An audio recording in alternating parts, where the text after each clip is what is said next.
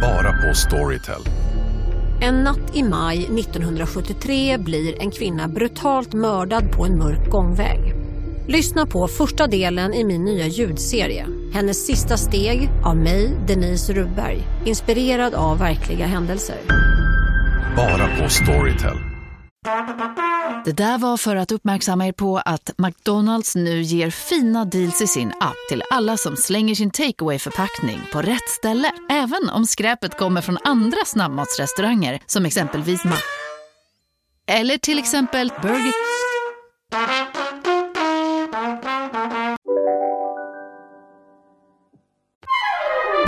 Du lyssnar på en podd från Perfect Day.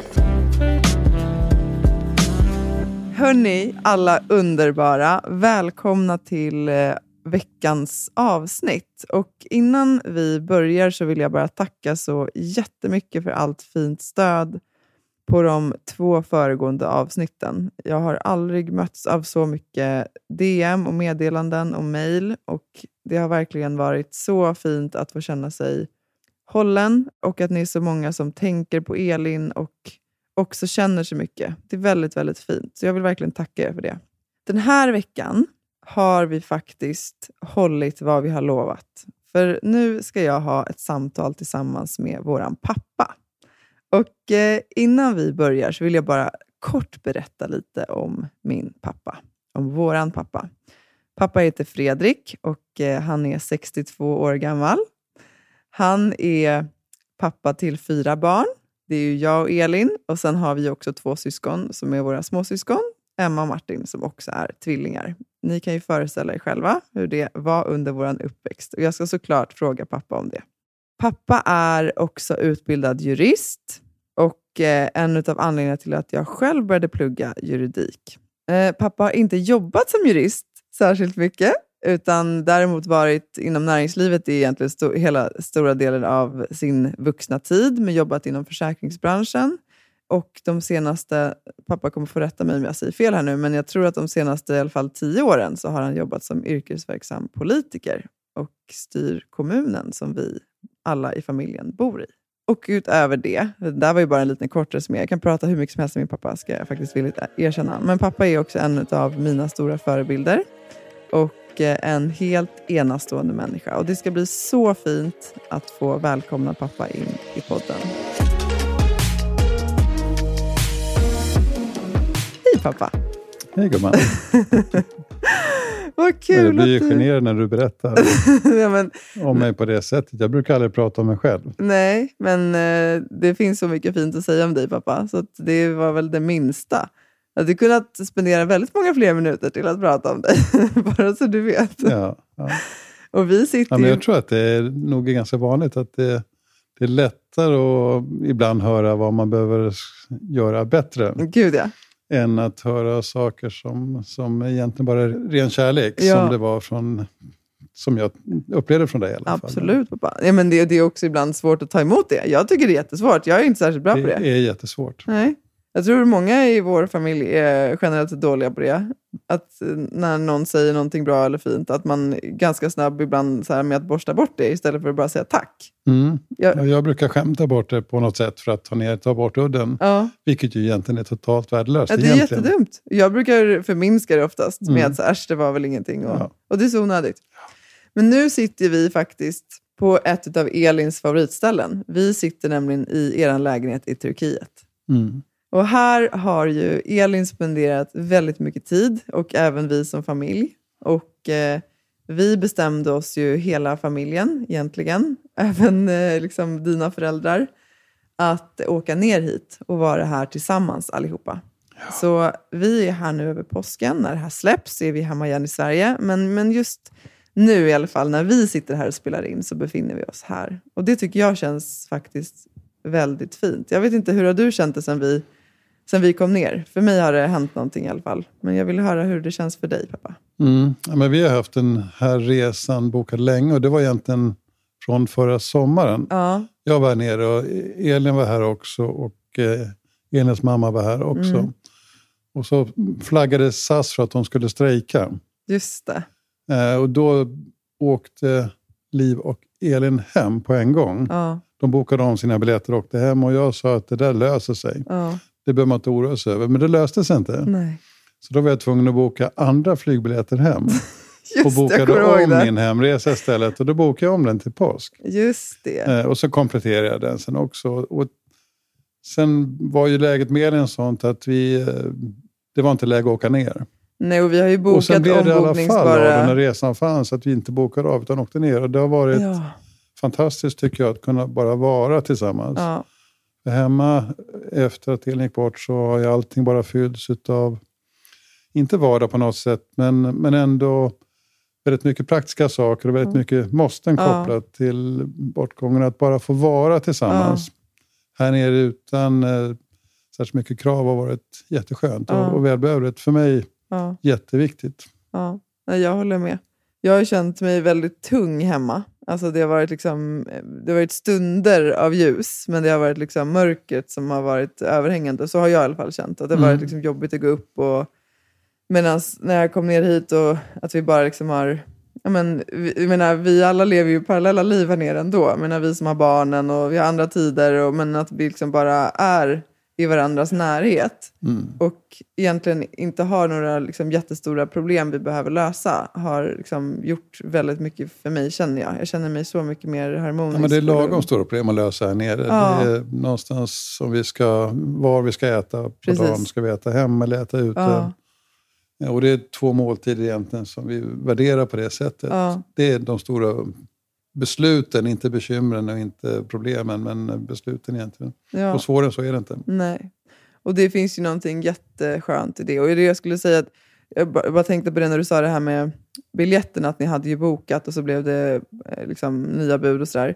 Och vi har ju egentligen under de här tre åren, när vi väl har rest, så har det ju alltid varit med ombokningsbara biljetter. Alltså mycket har ju varit så att det, liksom, vi, det är, har varit svårt att planera, såklart. Och vi har ju inte velat planera för långt fram, fram i framtiden eller göra liksom för, vad ska jag säga, då, för rigida eller orubbliga planer eftersom mycket har varit osäkert såklart. Samtidigt som Elin har tvingat oss att planera. Ja, det är ju det som snarare har varit med det här med som vi, vi har pratat om det i podden många gånger också och det är ju både liksom när Elin fanns men också liksom, jag pratade lite med det med hennes vänner i förra avsnittet det här med att hon alltid liksom, hon har ju velat att vi ska vara som vanligt.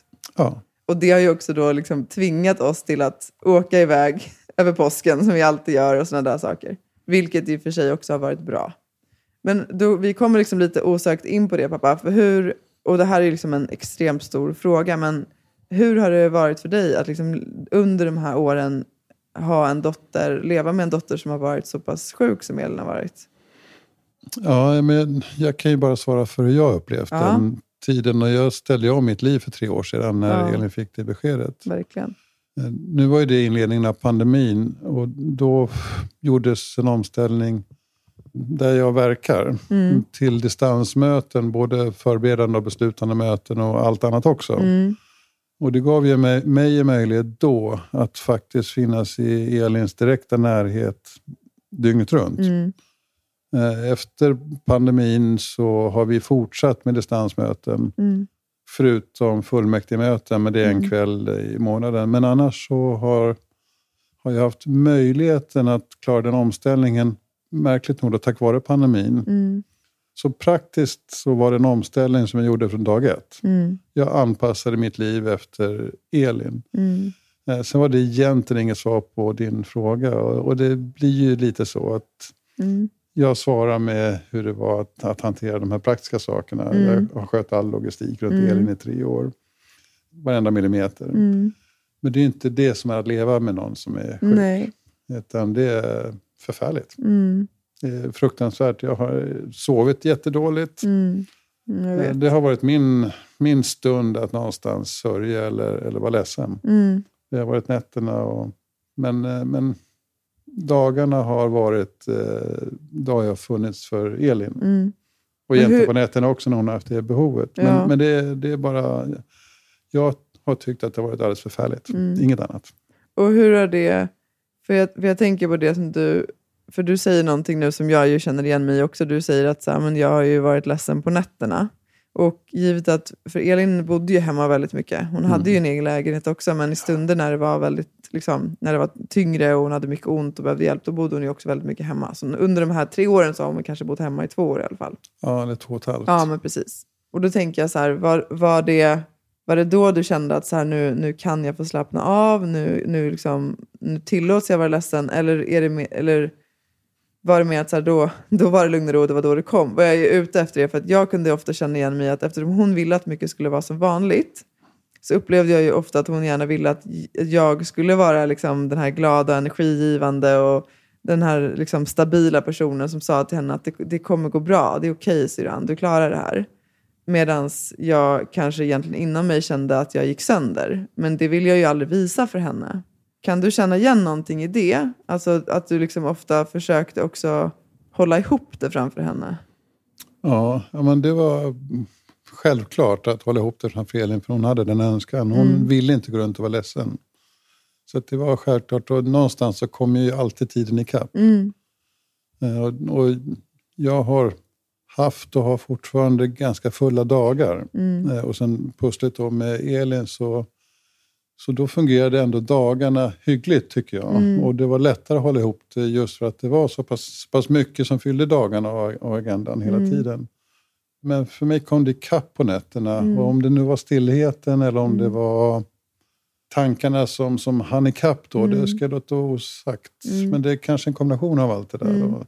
Så någonstans så tar det väldigt mycket energi att eh, gå runt och vara mm, djupt, djupt ledsen. Ja. Men inte kunna förhålla sig till det på annat sätt än att eh, att, att, inte kunna visa det, nej. inte vilja visa att det. Att inte få släppa ut det. Ja. ja, nej verkligen. Och det var ju av respekt för Elins Gud, vilja ja. såklart. Ja. Och den var viktigare för mig än, än hur jag själv kände. Jo, det, vi har, du och jag har ju pratat en hel del om det under de åren också. För vi har ju haft lite samma approach där med att vi inte har velat liksom lägga vår oro och vår sorg och liksom, ja, men, vår rädsla egentligen på henne eftersom vi har ju också känt att det i perioder har funnits, har funnits en hel del av det hos henne själv och då vill ju inte vi så har i alla fall jag upplevt att du också har känt att man, jag har inte velat liksom lägga mina känslor också på henne att hantera. Mm. För jag kan känna igen det nu ibland lite när vi är i sorg. Att jag ibland känner, jag har redan märkt det på några nu, även fast jag tycker att de allra flesta möter så extremt fint. Men att det är nästan som att man ibland måste bära andra människors sorg alltså som, som kanske inte ens hade en relation till Elin, eh, när man liksom försöker att bara handskas med sin egen. Och jag kan bara likställa det lite med hur jag kan tänka mig att det hade varit för henne då om alla vi bara hade gått omkring och hela tiden varit väldigt, väldigt, väldigt, väldigt ledsna. Att det, måste ha, det hade nog varit väldigt tufft för henne tror jag. Det tror jag också. Hon, hade, hon kämpade ju såklart i perioder med att ja, hålla näsan över vattenytan. Ja. Eh, så att det var, för henne var det viktigt att det fanns någon form av känsla av normalisering som hon inte behövde bära runt sig. Exakt.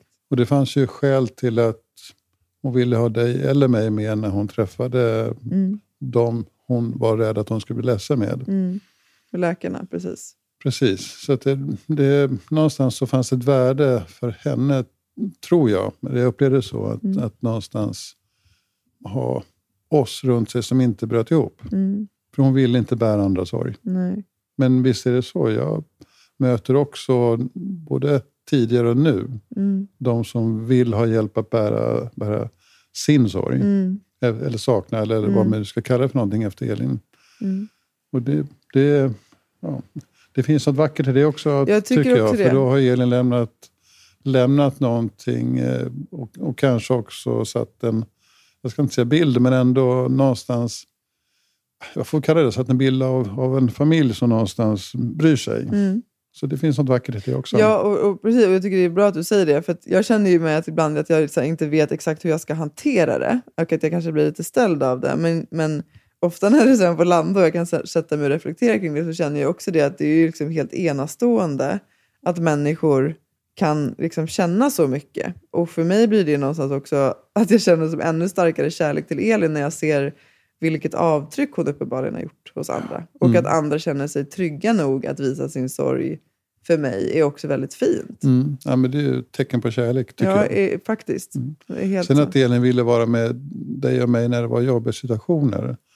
Det var ingen värdering från min sida kopplat till att vi är bättre än, än resten av familjen. Absolut För det är inte det det inte. handlar om. Utan Nej. vi är olika som personer. Ja, ja. Gud, ja. Och Elin hade olika behov vid olika tillfällen. såklart. Och Det har vi ju alla. annat. Så är vi ju alla, alla människor är ju så, tror jag. Ja, det tror jag också. Vi har ju också oli, vi, bara, vi har ju olika vänner för olika sammanhang eller olika, Mm. vad vi än gör. Liksom. Vi behöver olika människor i olika sammanhang. Mm. Så är det ju.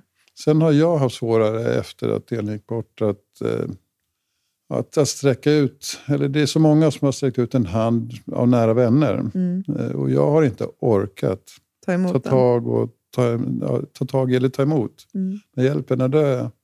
Jag har i stort sett aldrig dåligt samvete för någonting. Nej. Men där känner jag ändå att jag har ett dåligt samvete. För Varför att jag inte att- orkar. Men samtidigt så vet jag inte om jag ska ha dåligt samvete. Men jag har inte orkat. Nej. Jag har inte haft den energin Nej. att ta emot den kärleken från de som är närmast. Nej.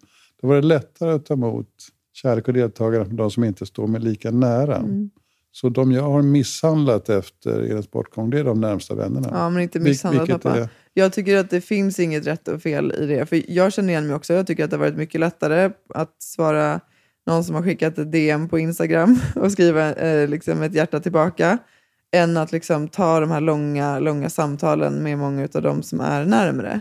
Mm. Men jag tycker inte att det finns något fel i det överhuvudtaget. För att det är också så här, allting kommer se så olika ut i den här processen nu och där vi båda har varit, jag vet inte hur du har känt, men jag har känt mig liksom alltså fysiskt utmattad. Mm. Ja, men jag har inte någon annan känsla. Jag har varit förlamande. Eh, precis. Alltså fysiskt förlamande. Jag blev till och med menar. sjuk. ja, vi har ju alla Och blivit det. Vi alla har varit så sjuka. Alltså, och det, jag vet inte när jag senast Nej. hörde det. Exakt.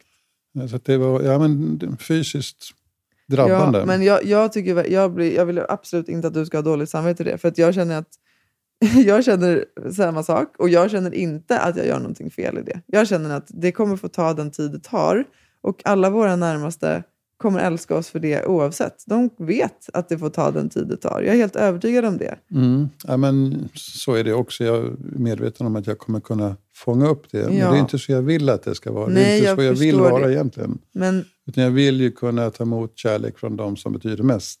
men kan inte Direkt, du... men jag har inte kunnat det än. Nej, och det tycker jag inte är något konstigt alls pappa. Men kan du känna att, för det, det ska jag vara, det måste jag liksom ändå vara modig nog att erkänna att jag har ibland känt att det har varit svårare att ta emot för att det kräver mer sårbarhet från mig. Och att jag har känt att jag liksom, under de här första veckorna som har gått nu och liksom sista dagarna för, för syrran också, att så här, jag har varit så ledsen. Alltså vi har gråtit så mycket och vi har gjort det tillsammans som familj. Och det har hänt så mycket, det har varit så mycket känslor. Och att jag ibland nästan känner att så här, jag, jag, jag orkar bara inte jag orkar bara inte öppna den boxen igen. Jag orkar inte gråta. Mm. Ja, men så, är, så är det för mig också. Ja. Det, det är tufft att gå runt och vara ledsen. Mm. Ja, jag har varit ledsen i tre år och jag har varit ledsen då på, som jag sa, på nätterna i första hand. Ja. Jag har varit ledsen i bilen. Jag har Ja, gråtit. jo, men det är precis som mig. Man har varit ledsen när man har haft eh, space för att få vara Precis, det. när det, Ja. när det funnits utrymme helt Exakt. enkelt. Så att någonstans så rann energin av mig när Elin försvann. Mm. Eh, Och i det också att det, det, är, det är jobbigt att vara ledsen. Mm. Jag tycker att det är jobbigt att Mm. vara ledsen i alla fall. Mm. Eh, Sen får sen sorgen får ta sin plats då, men det är jobbigt att vara ledsen. Mm. Jag tycker också det. Jag vet att Elin ofta sa att så här, "Ja, men det är skönt att vara ledsen och det är härligt och sådär. Mm. Man får ut saker. Och jag, jag vet att många säger det, men jag, jag känner sällan så. Jag kan känna så, eller liksom har inom citattecken gråtit klart. Men när jag är i det så tycker jag faktiskt bara att det är jobbigt. Och lika tufft och förfärligt som det har varit för mig och säkert för flera anhöriga att leva med Elin de här åren.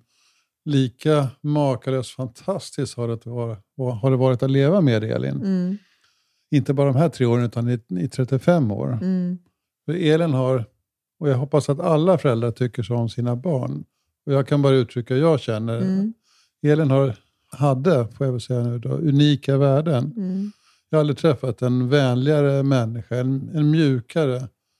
Trots att hon var väldigt envis och, och ville väldigt mycket saker så hade hon ett hjärta och en vacker själ. Mm. Verkligen. Så att leva med Elin i 35 år var makalöst. Det var för kort tid. Mm. De sista tre åren var ingen skillnad. Utan hon, hon levde.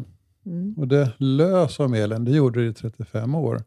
Men inte minst så, så var det fler som kunde se det de sista tre åren. Vi har ju sett det i familjen i 35 år.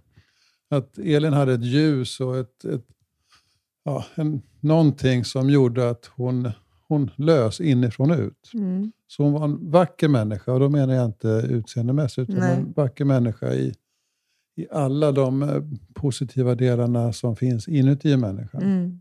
Och Så jag tyck- lika fantastiskt var det alltså att leva med Elin de här sista tre åren och, Mm. och leva med det här ljuset som hon bar med sig hela tiden. mm. Lika mycket som det var tufft för Mm. oss runt om att bära vetskapen om att det kanske skulle ta slut. Mm. Och jag tycker att, för det pratade Elin och jag om en hel del när hon levde i podden. Och det är sånt som hon också själv liksom har pratat en del om på sina sociala medier. Jag håller med dig om att Elin alltid haft ett ljus, men för mig så tycker jag att det ljuset nästan blev ännu starkare när hon blev sjuk. Alltså hon tillät sig själv att vara mer av sig själv. Hon tillät sig själv att vara mer fri. Hon tillät sig själv att vara mer levande och skalade bort en del saker som kanske tidigare hade hållit henne tillbaka. Så min upplevelse är att även om det var, har varit väldigt tufft de här tre åren så har det också varit helt fantastiskt att få se henne liksom approchera livet som hon har gjort. För jag tycker att jag har liksom fått se mer av Elin sen hon blev sjuk. Mm, ja, men så är det och egentligen så är det inte något, något annat hon har visat upp än den hon är de här sista åren. Däremot så har hon tagit för sig på ett annat sätt. Precis. Då har fler kunnat se vem Elin egentligen är. Mm. Jag håller med om det, så det blev ju mycket mer intensivt såklart för henne. Men hon förändrades inte, Nej. utan hon var Elin hela vägen. Mm. Och hon har alltid varit, och tyckt om att inspirera och har alltid inspirerat. Absolut. Hon inspirerade mig till och med sista dagarna som vi spenderade ihop. Då hon fick mig att testa ansiktsolja. Jag Hon har väl fått dig att börja använda ekologiskt schampo också, har inte det? Va? Jo, det stämmer också. Och jag vet inte vem som var mest förvånad, hon eller jag, när jag, när jag testade för första gången att ha någonting i ansiktet utöver tvål och vatten. Alltså. Mm. Och jag har till och med efter att Elin gick bort fortsatt med ansiktsolja. Okej, men pappa, det här gör mig ändå ganska glad för då Men betyder det att tänker det jag inte hopp. berätta högt. Nej, okej, men nu det. sa du det så att det är lite, out Det är there. lite genant faktiskt. Nej, det är det inte. Det betyder att det finns hopp för min man. För att Lasse smörjer fortfarande inte in sig med någonting. Och han fyller ju snart 50. Men det kände jag att det väcktes en liten gnista av hopp i mig. Mm. Att Ja, det men är du har omöjligt. 12-13 år på dig helt enkelt. 13 år. Eller Exakt. 14 år i 14 skiljer mellan oss. Ja,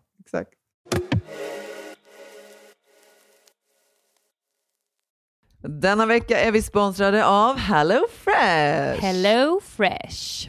Men vi har ju en jätteklurig kod till er idag, eller hur? Ja, alltså den är ju den är ju superbra men den är lite svår att säga. Det är Ja. bara det. Säg den. Vi säger den flera gånger. Flash, sys. Hur stavar man det då? Då, då har vi eh, Flash först. F-L-A-S-H S-Y-S. Flash, sys. Bra, nu kommer ni ihåg det. Ni kommer inte glömma Nej. det. Och vad gör ju egentligen den här koden för er då? Jo, den ger er inne på hellofresh.se upp till 1449 kronor i rabatt på dina fem första kassar. Och eh, varför gillar vi Hello Fresh då? Nej, men jag gillar så mycket HelloFresh, men, men om jag får bara någonting kort så älskar jag liksom variationen. Eh, och jag älskar också hur det liksom så hjälper till med faktiskt att man kan ta liksom lite fler hållbara steg. Alltså det blir mindre matsvinn. Man kan också när man så väljer sin meny, har du sett det? Att man kan då så välja också hur mycket Ja. liksom, utsläpp, eh, CO2-utsläpp som liksom respektive eh, maträtt bidrar till och så vidare. Så man kan ju liksom man kan se sin reella påverkan. På hellofresh.se så kan man använda koden FLASHSYS och få upp till då som Ida sa eh, 1449 kronor i rabatt på de fem första kassarna om man inte har provat HelloFresh ännu. Eh, och man får också fri frakt på den första matkassen. Eh, nice. Men alltså du kan också använda koden om man har varit kund tidigare men har avslutat abonnemangen för över 12 månader sedan eller längre. Eh, så kan man bli kund igen helt enkelt. Ja, det kan man verkligen bli. Och eh, hörni, det här fina erbjudandet gäller till den 27 maj, så det är under en begränsad tid, så passa på. Tusen tack HelloFresh! Tack! Jag sa ju det initialt nu pappa, att du är pappa till fyra barn. Mm.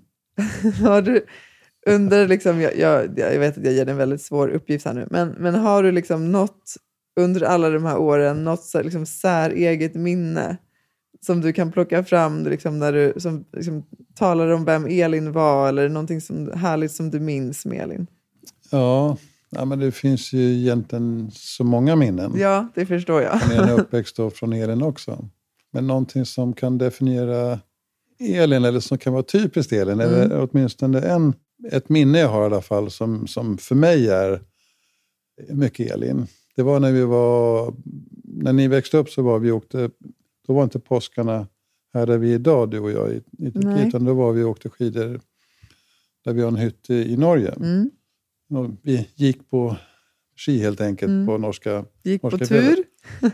Ja, precis. Och stugan ligger på nästan 850 meters höjd, så det Ja. var inte så högt upp till att gå på en fjällplatå. Nej. Och där gick vi. Och när det är påskväder och bra påskväder, då tar ju solen och det är vit snö. och Allt det där. Ja. Och även om Elin alltid hävdar att hon inte solade särskilt mycket, Mm. så älskade hon solen.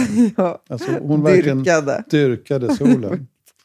Och då var det en av, av gångerna vi var ute och gick på tur som vi stannade, för vi, vi hade alltid med oss, Mm. jag bar ju all, all era alltså, chokladmjölk och te och Ja. smörgåsar och allt Varma koppen och mackor. Hela paketet. Och sen eh, var det vid ett tillfälle vi stannade åt lunch, Ja. eller stannade då för att äta lunch. Pappa, då måste jag bara säga in, allt när vi stannade då, för du hade ju Ja. också alltid med dig en spade.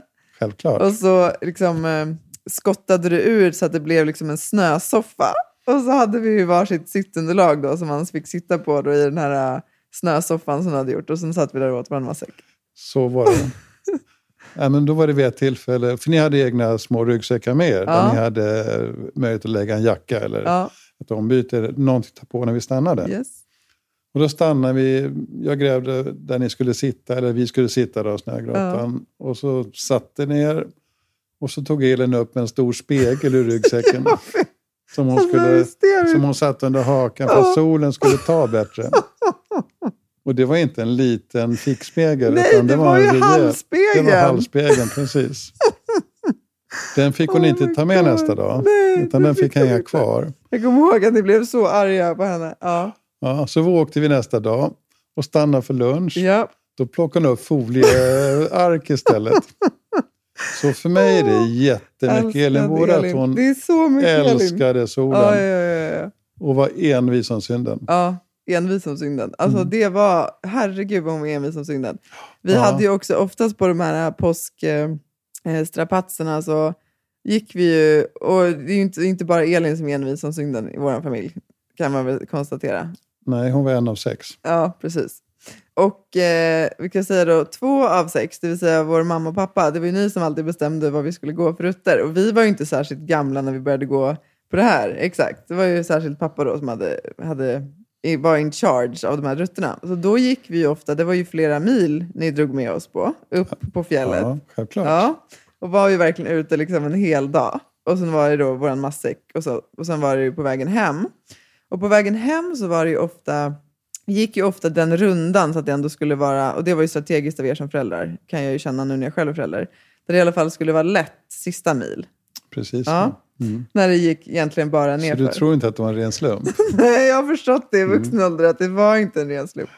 Men då, men då så minns jag i alla fall alltid att när det var ungefär så här 3-4 kilometer kvar, då började ju alltid vi barn tävla. Och då var det ju alltid full kareta hem till då hyttan. Och den som kom först, alltså det, var ju, det var ju verkligen på liv och död, det här racet. Och det var ju ofta, i all kärlek till, till, vår syster, till min syster Emma då, men, men hon var inte med i, i toppstriden oftast. Hon gick ofta bak med dig, eller hur? Ja, hon behövde motiveras mer än ni andra att eh, ta sig runt.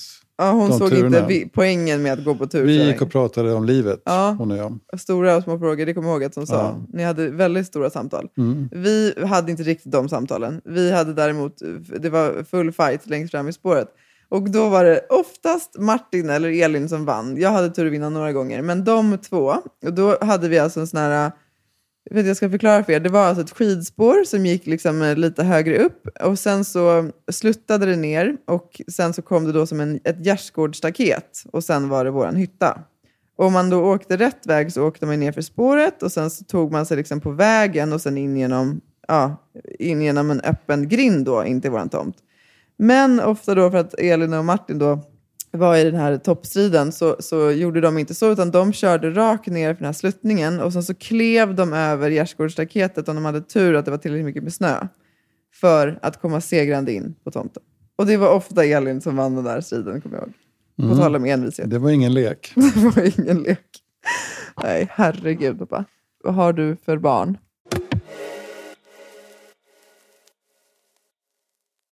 Hur var det förresten att vara, liksom, eller hur var det? Hur, hur har det varit att vara tvill, alltså, tvillingpappa? Två tvillingpar. Vi, det är ju bara två år mellan oss. Mm. Ja, men jag vet ju inget annat. Nej, men hur, hur har ni gjort? Ja, Nej, men, eh, någonstans så var det när vi fick första, alltså dig och Elin, då var vi osäkra på Ja. att vara föräldrar överhuvudtaget. Och Ja. Tyckte att det skulle bli tufft att ha tvillingar såklart. Det är Ja. tufft att få barn överhuvudtaget, Ja, första barnet. Så det är klart att det var speciellt att få tvillingar med all osäkerhet som Mm. finns i föräldraskapet. Mm. När vi fick besked om att vi skulle få tvillingar igen Mm. så var vi lugnare med det. Vi visste att det skulle fungera. Tufft och jobbigt såklart. Ja. Det var ju ganska lite sömn under flera år, men, men ändå, vi visste att det skulle fungera. Så det var lugnare andra gången. Alltså att gå och vänta nästa par. Och kände du så redan initialt? För mamma har ju sagt att hon, hon började gråta vid ultraljudet när hon såg att det var två till. Vi är olika som personer. Hon sa att det var av kärlek, men också med Mm. en viss typ av nervositet och stress. Ja, Nej, men eh, det var lättare att vara trygg förälder som det var andra gången än det var första gången. Jag tror Ja, att det är så såklart. för alla som, som får barn och har mer än ett barn. Ja, Att man är tryggare som förälder. ja. Eller så kanske att man inte har lika mycket tid att hålla på med barn nummer två eller som Frost och barn tre, fyra. ja, men jag tänker att det också handlar om att man, man blir också varse om att det funkar. Alltså i början så upplevde i alla fall jag att vi var mycket med lycka, att det var så himla, man var så om Mm. sig och kring sig och allt skulle vara så perfekt och, och sen så inser man att men det blir ju det blir folk av dem hur man än gör lite och att ibland man kanske övergör vissa saker. Så kände i alla fall jag det. Mm. Och Ja, att man är mycket mer avslappnad andra gången. Absolut, och den löjliga sanningen om att barn inte gör som man säger utan som man gör. Ja, Det finns ett större värde det andra gången man får barn och kanske tredje, fjärde då, beroende på hur många barn man har. men gud ja. Att sjunka in i den eh, vetskapen och tryggheten att eh, man får sluta försöka fostra barnen allt för mycket. De kommer i alla fall ta efter oss. ja så är det På gott och ont. Ja, och, och vi har ju absolut tagit efter, alltså många, eller jag skulle säga alla oss barn egentligen på olika sätt har ju tagit efter både dig och mamma på, på många olika sätt.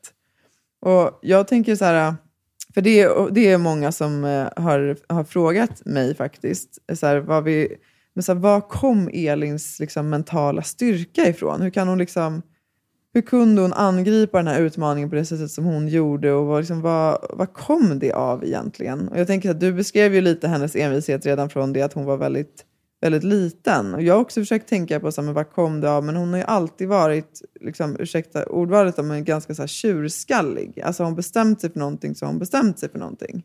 Har du någon annan syn på det? Du måste ju någonstans förhålla dig till vem du frågar nu. När du frågar mig så kommer ju hennes målmedvetenhet efter mig. Ja, så är det. Och Jag får tjurskallighet fråga mamma i ett efter annat hennes avsnitt. mamma. ja, exakt. Men det är inte säkert att, eh, att din mamma skulle svara likadant. det är inte säkert pappa. ja, men jag tänker att en tjurskallighet inte behöver vara någonting negativt. Nej, Nej men eh, någonstans så tror jag att de flesta barn blir en frukt av båda sina föräldrar. Och, Ja, och det, det. är svårt att se att, att något barn är en kopia. Och det, jag tror att det går i, alltså, av, av en förälder. Mm, Utan att man har drag av båda sina föräldrar. mm, Och jag kan se drag av mig i alla er fyra. mm. Och, och någonstans så tycker jag inte att någon av er är en kopia utav mig. Som tur är. Däremot så har ni ju väldigt mycket av mig. Och ni har mycket av er mamma också. Men, och då, Och ibland är det ena starkare än det andra. andra, ja, Och och det är olika perioder också. Ja. Och i situationer också. ja. Och då blir jag ju nyfiken då, pappa. Vilka tydliga drag ser du från dig själv i mig och Elin då? Nej, men, eh, Elin, du är också envis. Men Mm. Elin var envisare. Mm, eller tjurskalligare.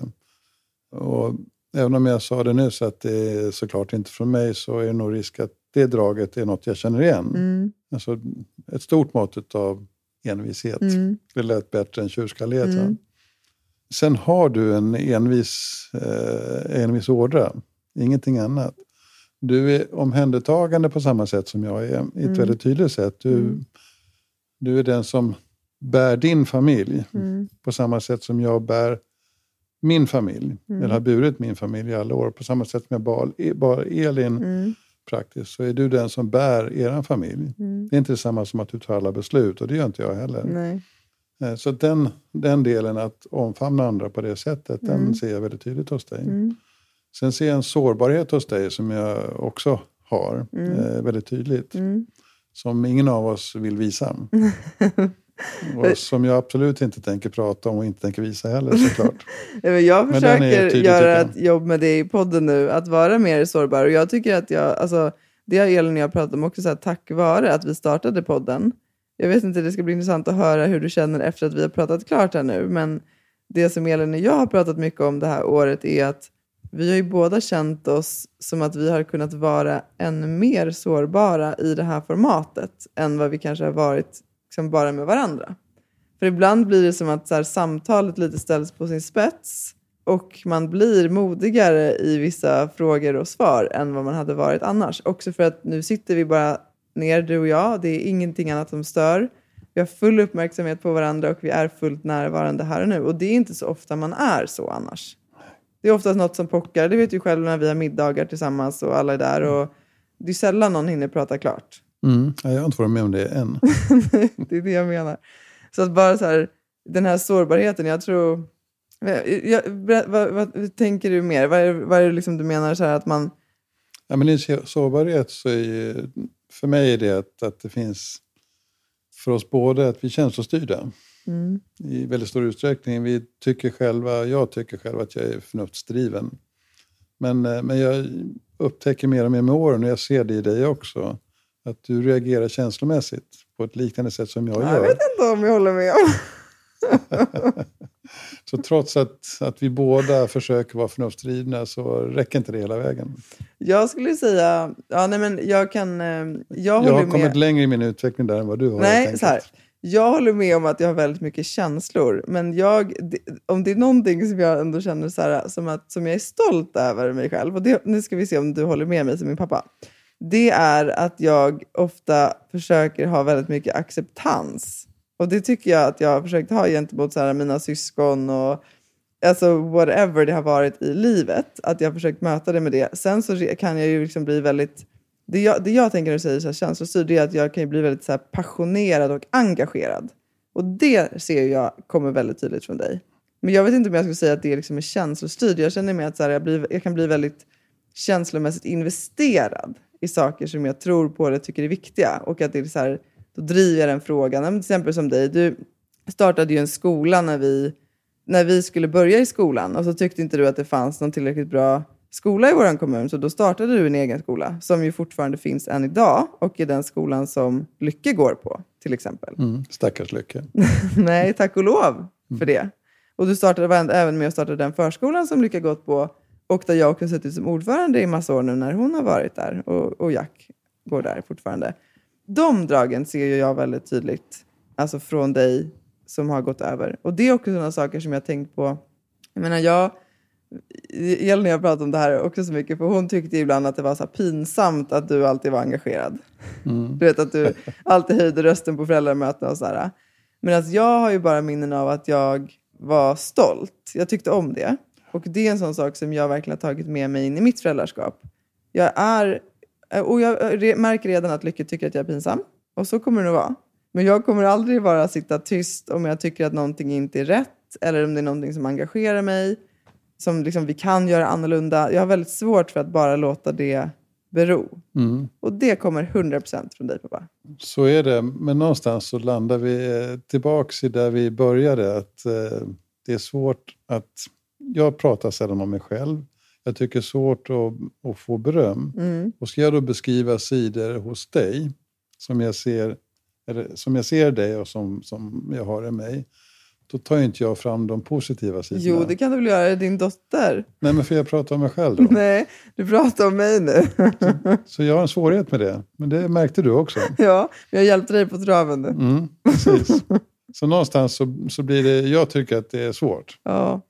För jag vill inte uppleva som att jag är kaxig eller står mig på bröstet och tycker att jag är, är bättre än någon annan. För det tycker jag inte. Nej, men det tror, för det där tycker jag också är lite så, det är så typiskt egentligen hur, hur det ska vara. För att är det inte någonstans också viktigt att kunna rent faktiskt bara säga att så här, det här är jag, så här fungerar jag. Och sen om det i liksom samhällets ögon är egenskaper som, som premieras, så ska man väl inte skämmas för att man i så fall råkar ha de egenskaperna. Jag, jag, för mig, jag tänker alltid att här, saker och ting handlar om hur man säger det. Eller hur? Mm. Men någonstans är det inte så enkelt, tror jag, att det bara fungerar att säga det på rätt sätt. För det, oavsett vad du säger, eller jag säger, Mm. så kommer det uppfattas olika av olika ju. människor. Och, och bara nu i ett, i ett samtal när det finns de som vet att jag är politiker, Ja, så kanske det är de som googlar vad jag är för ja politiker. Det, kommer, det kan du räkna med Och då kommer det finnas en, eh, en, en tolkning kopplat till, Absolut. till det. Ja. Så någonstans så är det inte så enkelt att bara för att man uttrycker någonting på rätt sätt så kommer det tolkas Nej, men så som man avsett. Jag tror ju att hur man än gör där, för det, för det, det ska jag säga pappa, det har jag jobbat en hel del med alltså sen vi började podda också. För att det kommer ju det kommer jättemycket kärlek och fina kommentarer, men det kommer också en del liksom, otrevliga och rätt elaka saker.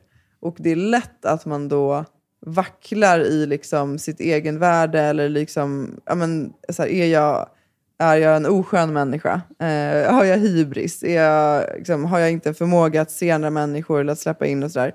Och det tror jag, för så försöker i alla fall jag hela tiden lämna tillbaka till, att de människorna som vill missförstå och som vill feltolka, de kommer alltid finnas. Och det enda jag kan göra är att försöka vara så, så sann mot mig själv och så transparent och tydlig som möjligt som det bara går. Men jag kan, för det jag upplever är att annars blir det hela tiden att man måste göra man måste liksom ge en lång disclaimer på saker och ting, eller för sig själv, innan man ens kan börja prata, för att det inte ska landa fel. Men jag vet, du politiker, jag hade inte klarat av det av den anledningen. Men jag, jag applåderar dig för det. Mm. Ja, men det har jag haft som hobby sen jag fastnade på högstadiet. På ett, på ett val som var då, ett skolval. Ja, Eh, och sen engagerade jag mig och sen har jag haft det som hobby genom livet och har haft en fråga vid, vid några olika tillfällen om jag kan tänka mig att engagera mig mer. ja. Eh, och till slut så, så blev det så. Mm. Hur så, många år så är för det mig nu då? har det varit en hobby genom livet, alltså samhällsengagemang och samhällsintresse. Exakt. Och Och det det har var därför jag olika startade en skola och Ja, alltså, ja. drev förskola, alla de här delarna. Och, Och du har gjort så och mycket fint för idrottsföreningar och all, alla de här delarna. Så det, var ju, det är ett samhällsengagemang. Ja, ja och det, det är ju också en sån sak som flera av oss i familjen har fått därifrån. Mm, det vet vi också, saker som vi har gjort. Och... Men jag tror också det, det som har varit viktigt med det, för det tänker jag ibland, jag, jag möts i alla fall av det ibland, att man tänker att här, man måste ha en röst för att kunna driva förändring. Och med röst menar jag att så här, men du måste ha liksom ett stort kapital eller du måste En plattform kanske. Precis, du måste ha en plattform eller du måste vara en, liksom, en känd person. Medan det tycker jag har varit väldigt nyttigt och jag är väldigt tacksam för det. Att liksom, jag och vi har fått växa upp i ett hem där vi har kunnat få se att engagemang spelar roll.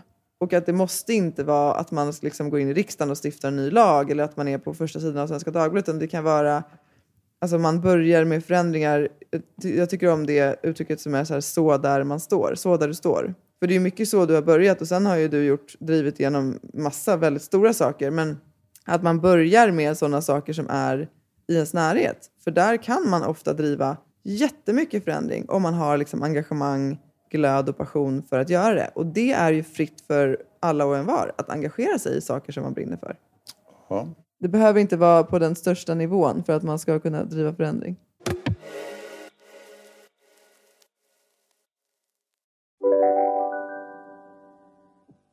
Om en yogamatta är på väg till dig, som gör att du för första gången hittar ditt inre lugn och gör dig befordrad på jobbet men du tackar nej för du drivs inte längre av prestation. Då finns det flera smarta sätt att beställa hem din yogamatta på. Som till våra paketboxar till exempel. Hälsningar Postnord. Nej. Dåliga vibrationer är att gå utan byxor till jobbet. Bra vibrationer är när du inser att mobilen är i bröstfickan. Alla abonnemang för 20 kronor i månaden i fyra månader. Vimla! Mobiloperatören med bra vibrationer. Demideck presenterar Fasadcharader.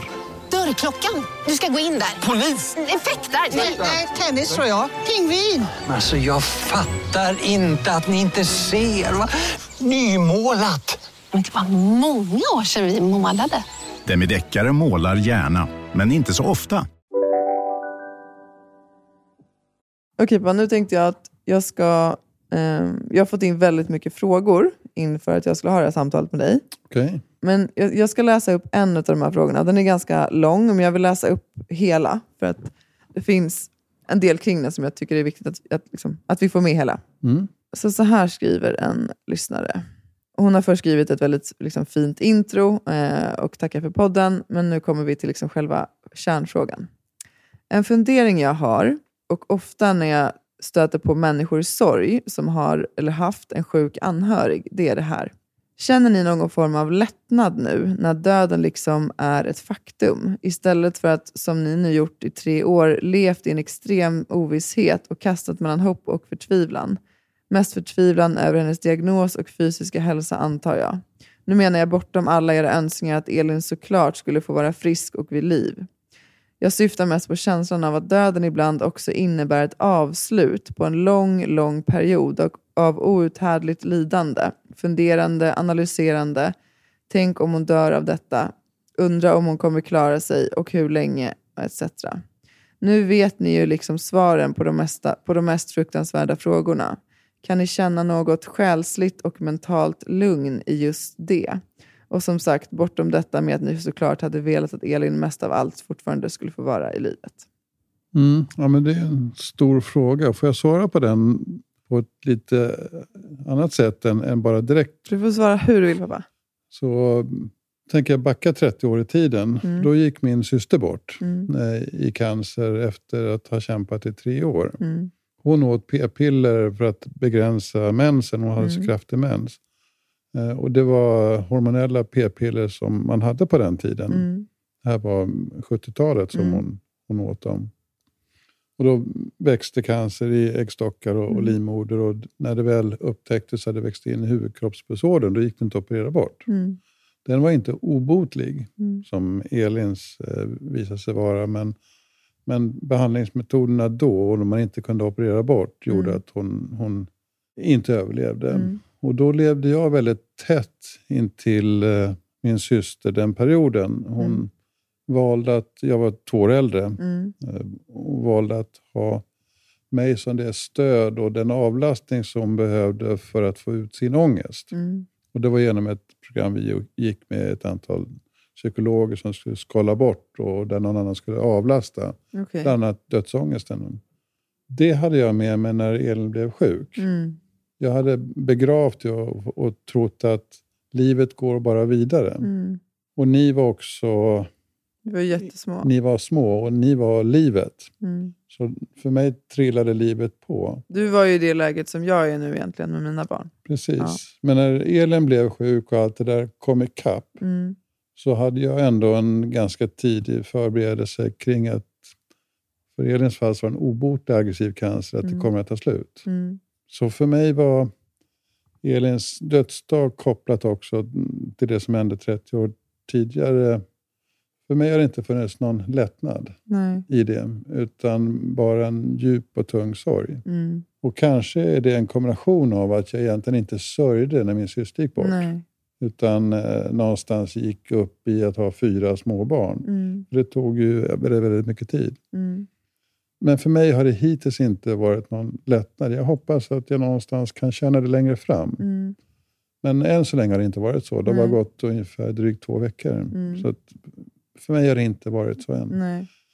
Jag trodde inför att Elin skulle bort att det skulle finnas en känsla av lugn Mm. efteråt. Men Mm. jag har inte upplevt den Nej. än. Utan för mig har det bara varit förlamande Mm. och fysiskt förlamande. Mm. Tack pappa. Och hur, när du, du säger också det att, så här, att du upplever att du aldrig sörjde din systers bortgång, eller? Hur tror du att man då...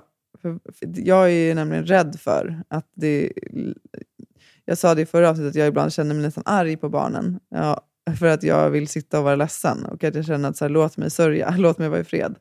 Och så pågår ju livet ändå och jag måste vara där och närvarande för att de, som du precis själv säger, är ju livet. Har du liksom någon bild av nu när du är äldre så här, hur du hade önskat att du hade gjort för att sörja ordentligt eller sörja klart? Mm.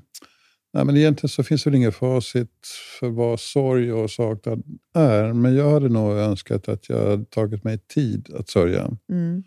Nu fylldes min tid av, av er. Mm. Och då var det så lätt att ersätta sorgen och saknaden med, med, med fyra små barn Mm. och allt vad som, som ligger i det. Mm.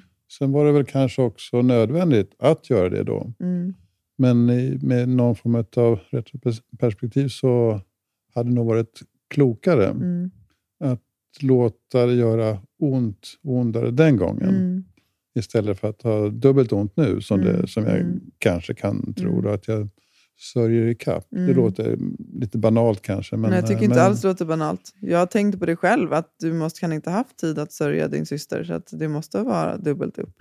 Mm, ja, men det är känslan. Sen om Mm. det är rätt eller fel ska jag låta vara osagt. Mm. Men, men det är känslan. Ja, tack Så jag har inget facit hur man sörjer. Nej, nej för precis. Jag- jag gör det nu man? helt enkelt, men jag har nej, facit. Nej.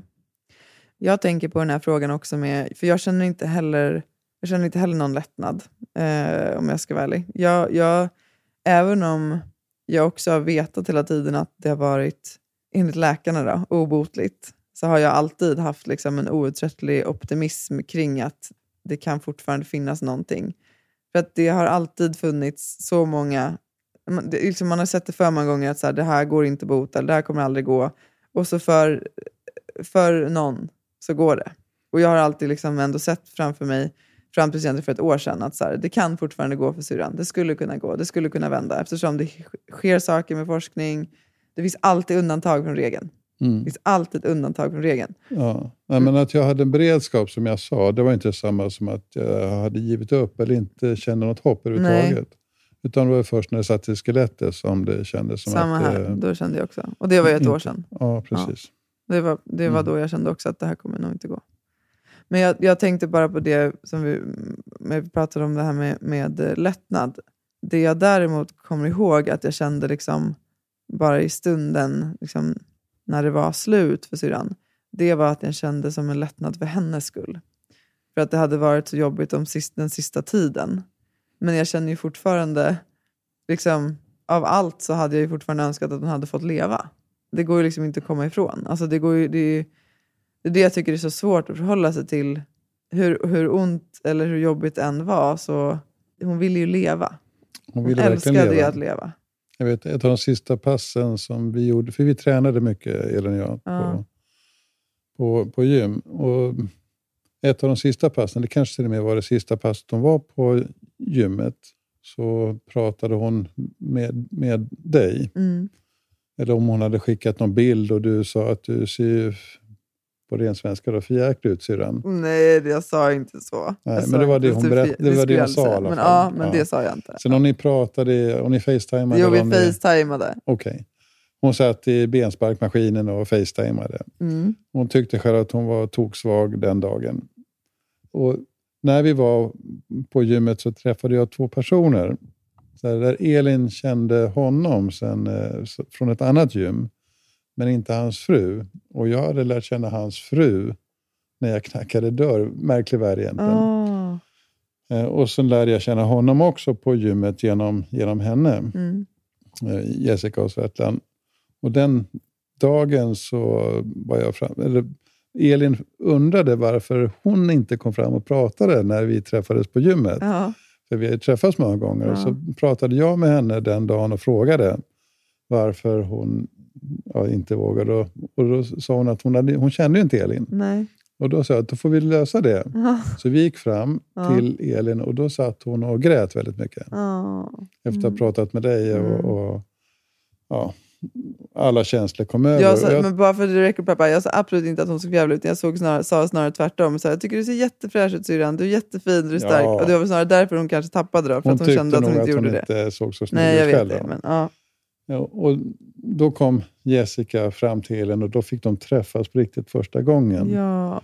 Eh, Och Elin var ju ledsen och blev ändå fångad Ja. och lyft. Och när jag gick och duschade sen så satt Jessica och Svetlan kvar Mm. med henne och fångade upp henne. Mm. Jag tror att det var hennes sista pass på gymmet. Jag tror det också. Hon ringde ju sen nämligen och berättade att, eh, Mm. att hon hade suttit och pratat med dem, att de var så himla fina. Mitt första pass efter att Elin gick bort, för Ja. jag gick tillbaka några dagar efteråt, så vet jag att jag hade svårt att ta mig in på gymmet. Jag ringde både Ja. dig och, och Emma. Ja. Att jag, hade, jag kom inte ur bilen helt enkelt. Nej. När jag väl kom in på gymmet eh, så var det lite tufft. Mm. Och då var Svetlan och Jessica där igen Mm. och fångade upp mig. Mm. Så fint. Jag gick och grät på gymmet Ja. helt enkelt. Så någonstans så kanske det är meningen med saker som händer också, och Ja. människor man möter. Ja. Så Elin hade det behovet den gången och jag hade det behovet som ju syntes också då, Mm. den gången, Mm. som, som var efter Elins bortgång. Mm. Så att någonstans, människor man möter längs vägen och som delar med sig sin kärlek värdefulla. Ja, så, så enormt. Så enormt värdefullt tycker jag verkligen. Så tack Jessica och Svetlan. Ja. Nej, och det där hände ju mig bara för några dagar sedan, eller någon vecka sedan när jag var på jobbet. Så hade jag varit ute och käkat lunch. Och så helt plötsligt stannade en kvinna mig på gatan. Och då gick jag och pratade med en kollega. Så hon liksom kom fram och så avbröt oss. Så hon bara, förlåt, får jag bara, får jag bara avbryta? Så här, ja, absolut. Jag tänkte jag skulle fråga efter vägen eller någonting. Och så säger hon bara, jag kommer inte ihåg exakt vad hon sa, men hon sa någonting i stil med att så här, jag vill bara jag vill, bara, jag vill verkligen beklaga och så vill jag bara säga tack. Tack, tack för allt. Tack för allt som ni har, har givit och som ni ger. Och så gav hon mig en kram och så gick hon därifrån och hon hade liksom tårar i ögonen och sådär. Och jag liksom blev nästan helt sådär paff, men sen så kände jag mig bara alldeles varm. Av att liksom en främmande människa kom fram och bara ville ge kärlek på det sättet. Det är så fint. Mm. Ja, men det är fantastiskt, men det, det är tufft också, tycker jag. Det du, du har ju berättat att jag är politiker i, en, i, den, i den kommun som du växte upp Mm. i och som vi fortfarande bor i. När jag har rört mig ute på stan, det låter högtravande, men på byn, då, i samhället, efteråt så det, det finns ju de som vet vem jag är. Mm. Och då har det kommit fram människor som jag inte har Mm. haft någon connection med tidigare, eller Mm. som jag inte känner igen. Mm. Som ju då vet vem jag är såklart Mm. och har uttryckt sig på ett liknande sätt. Och gärna vill dela med sig sin berättelse Mm. av, av Elin och hur mycket hon har betytt för dem i sitt liv. Och så, kärlek är vackert. Ja, och jag tycker tycker, jag. det är så fint. Och jag, Mm. och det, för jag, vet, jag får ibland också meddelanden från er som skriver att så här, jag såg dig men vågade inte gå fram, jag vill inte störa. Jag, jag blir aldrig arg för sånt. Jag tycker bara att det är fint. Eh, Mm. om något så tycker jag att vi ska göra sånt mer. Alltså generellt. Om man ser någon på tunnelbanan som man tycker är vacker eller man blir glad av, säg det. Alltså vi behöver ju mer av det, inte tvärtom. Absolut. Ja. Inte minst vi som är lite äldre. Du är ju så tjusig pappa. Jag tänkte innan vi, innan vi avslutar så skulle jag, och det här är ju såklart också en svår fråga, jag har absolut inget, inget svar på den. Men jag, men jag funderar bara på så här hur, för det är också det så många, många som har frågat samma fråga, och det är så här, hur tar man sig igenom den här första tiden? Mm. Ja, men det, jag har inget svar på det egentligen. Hur gör man? Nej. Jag kan inte säga att jag har en särskilt klara minnen av de första dygnen efteråt. Jag tyckte mest att jag var förlamad. Mm. Så att, eh, jag har verkligen inget bra svar. Utan jag tog det en minut i taget. Eller Mm. sen då en timme i taget och sen en dag i taget. Mm. Men eh, så lite planer som möjligt. Mm. Och så mycket värme och kärlek som Mm. möjligt. Men eh, ja, tänk om det fanns något sätt att ta sig igenom. Eller så kanske man inte ska förhålla sig till sorg på annat sätt än att låta sorgen faktiskt finnas där. Som jag försöker göra den här gången. Ja. Eh, Så att någonstans, så, jag tror sorg är, det, det är viktigt att sörja. Mm. Men jag tror inte att det är lätt. Nej. Och det kanske inte ska vara lätt heller. Nej, Nej och jag, jag tycker det var ett jättefint svar pappa. Det, jag, det enda jag har kommit fram till när jag själv har funderat på det här, eftersom jag själv har känt att jag hade velat veta hur man ska göra för att det- det ska kännas lättare. Men det är att, att bara känna det jag känner. Att om jag känner mig liksom väldigt ledsen och sorgsen, att jag, att jag tillåter mig att vara kvar i det. Att jag inte måste fly från det eller att jag måste ockupera tanken eller sätta på en film eller börja scrolla på mobilen utan att jag, att jag tillåter mig själv att, att vara det då. Mm. Och på samma sätt att om jag känner mig liksom glad eller inspirerad att jag också tillåter mig att vara det. Att jag inte liksom försöker döma mina egna känslor eller det som händer så mycket utan att jag bara, får, att jag bara försöker följa med på något sätt.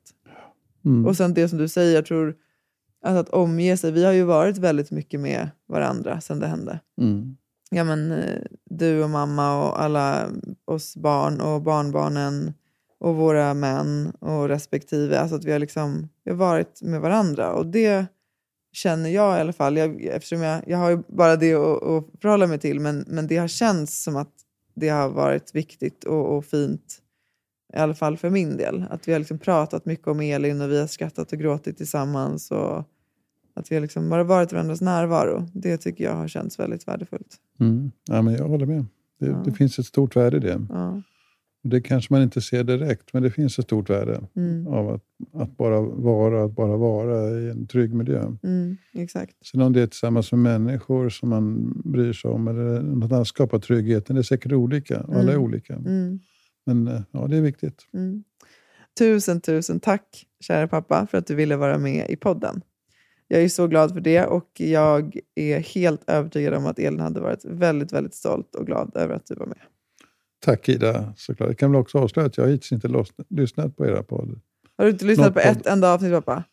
Jag började lyssna på ert första, men jag tyckte att det var för tufft Okej, att lyssna på. det kan du vara ursäktad för, men annars så skulle jag säga att nu vet jag inte om du får vara med i podden längre, pappa. Om du inte har lyssnat på ett enda Jag avsnitt. vågade inte säga det initialt. Fy fan. Nej, men då tycker jag faktiskt att du ska ta och lyssna på våran podd, för att det är absolut inte bara tungt. Det har varit jättemycket roligt också. Mm. Det är det som har varit storheten, vet du. att vi har kunnat skifta väldigt snabbt mellan det tunga, det ljusa och det härliga. Precis som livet är. Jag har ju lyssnat på er några gånger när ni spelade in.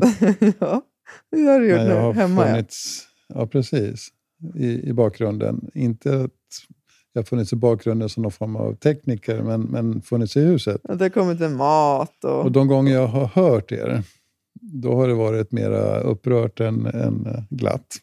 Ja, du har hört de gångerna när vi har haft eh, lite debatter om olika frågor, där vi Så. inte har varit helt ense. Precis, det kan man nog säga. Man säga. Ja, ja. Nej, men det var inte skälet till att jag inte lyssnade. Det hade jag gärna lyssnat på. Men eh, ja. jag tyckte att eh, för mig så tog det väldigt mycket energi att lyssna på första halva avsnittet. Just för Mm. att jag levde så pass tajt med Elin de här åren. ja, Så var det väldigt jobbigt för mig känslomässigt. det är helt okej pappa. Även om jag är en maskin så var jag inte det då. Nej, pappa. Nej, jag har aldrig varit en maskin. Nej, jag är otroligt gud. känslomässigt nu, nu kom det in här. Nu var han tvungen att trycka in där. Han är en, egentligen är en machoman. Nej, pappa, Ja. det är helt okej. Men ehm, du kan ju börja lyssna på den nu i alla fall. Det hade Elin varit glad för. Mm. Mm. Jag lovar ingenting. Nej, okej. Nej, men eh, vi, jag försöker se om pappa vill fortsätta lyssna på podden. Ni kan väl heja på här, skicka lite DMs och se om han börjar lyssna. I alla fall, pappa, tack snälla. Jag älskar dig. Tack för att du ville vara med. Mm. Jag älskar dig Ida. Ja. Puss. Puss. Hej då! Hej då. I'm going where the sun keeps shining through the pouring rain. Going where the weather suits my clothes. Banking off of the northeast winds, sailing on summer breeze. And skipping over the ocean like a stone.